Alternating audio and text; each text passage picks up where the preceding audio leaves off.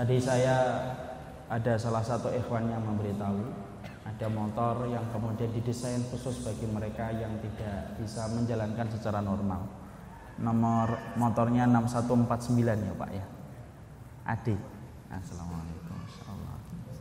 Maka kemudian Masya Allah saya terharu dengan perjuangan beliau pada kesempatan malam kali ini dengan segala keterbatasan yang beliau miliki. Beliau menyempatkan hadir dan memberikan energi positif untuk kehidupan kita. Bapak siapa namanya Pak? Bapak Kliwon. Bapak lahirnya di Wage ya? Insya Allah lahirnya di Allah. Saya bercanda. Bapak. Bapak gimana mendapatkan apa yang Allah tetapkan dalam takdir? Insya Allah ridha ya Bapak ya. Alhamdulillah walaupun ada yang menghina. Masya Allah. Semoga yang menghina dibukakan hatinya oleh Allah. Amin amin amin. Berapa banyak orang ikhwan yang mereka tidak mampu berjalan di dunia tetapi nanti akan berjalan kelak ketika melewati sirat. Dan berapa banyak orang yang bisa berjalan di dunia tetapi tidak mampu berjalan di akhiratnya. Semoga kita termasuk orang yang mampu berjalan di dunia dan mampu berjalan melewati sirat dalam kehidupan di akhirat. Bapak Kliwon ini memberikan kebaikan, makanya saya tadi diberitahu oleh seorang ikhwan terenyuh dan akhirnya ingin memberikan hadiah istimewa kepada beliau. Makanya nanti saya akan ingat terus kalau nanti disebutkan Klaten, yang saya ingat pertama kali Bapak Kliwon. Insya Allah. Bapak tinggalnya di mana? Di Gadang Tuhan diberikan kali kota Selaten dekat eh, Polres Selaten ke arah selat arah timur lurus. Oh gitu. Iya, iya. Saya juga tidak tahu Pak di sini. Tapi, tapi kelihatannya jauh dari Bekasi ya Pak ya. Kalau saya dari Bekasi Bapak. Ya. Kalau saya di Bekasi lampu merah Pekayon ke kanan Pak.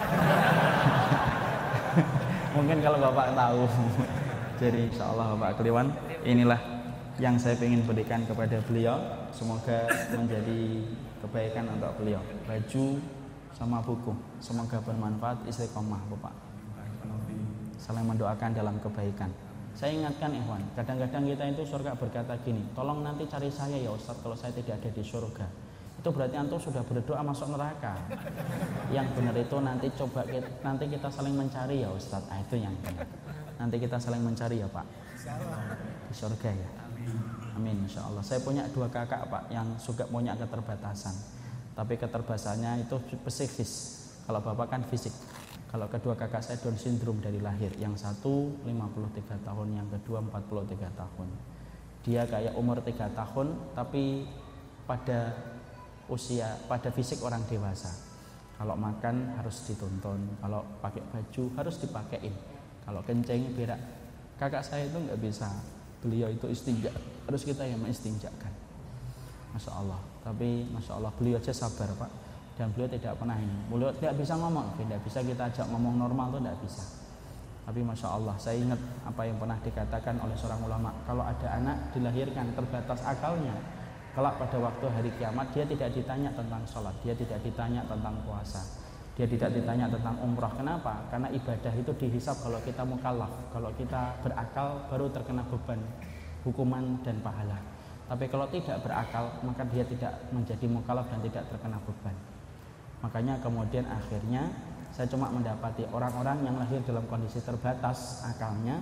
Nanti ketika di akhirat dia tidak ditanya kecuali satu atarifuni? Kamu kenal saya atau tidak? Kalau kenal maka langsung dia masuk surga.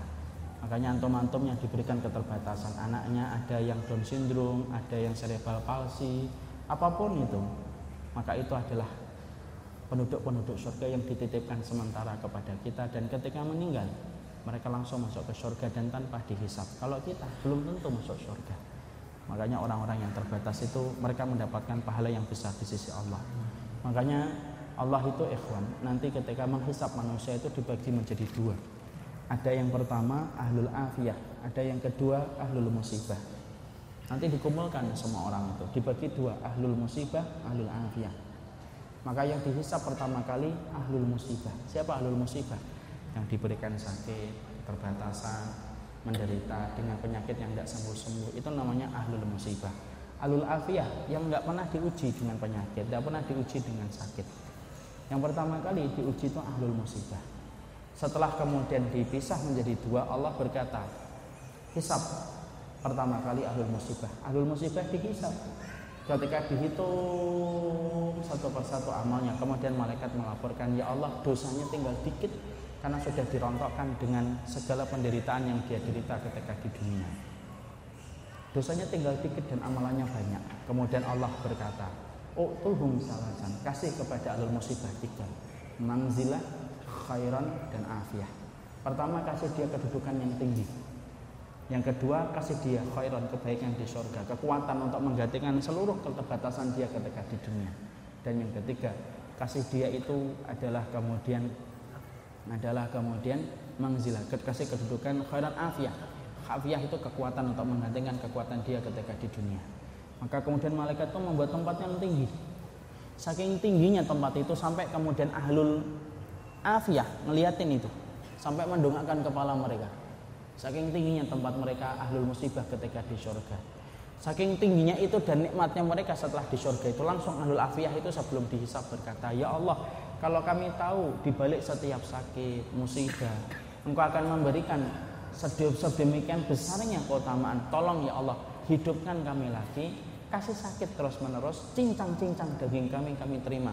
Selama kami mendapatkan apa yang didapatkan oleh ahli musibah. Itulah keutamaan besar bagi orang yang sedang mendapatkan musibah. Semoga Bapak Kliwon nanti mendapatkan khairan. Mendapatkan manzilah. Dan mendapatkan afiah insya Allah anaknya berapa Pak? satu anaknya satu saya anaknya lima Pak ya. insya Allah baru baru pertama nikah dapat malam oh baru menikah ya Oh, oh baru menikah. Berapa bulan Pak? baru dua minggu Oh baru dua minggu, masya Allah. Berarti masih bulan madu ya? Tanggal 19 kemarin Oh masya Allah, bulan madu ya. Nanti setelah bulan madu, bulan habatus sauda Pak. Insya Allah Allah memberikan kebaikan. Oh masya Allah, dibimbing Bapak. Barakallahu fiik. Barakallahu fiik. Saya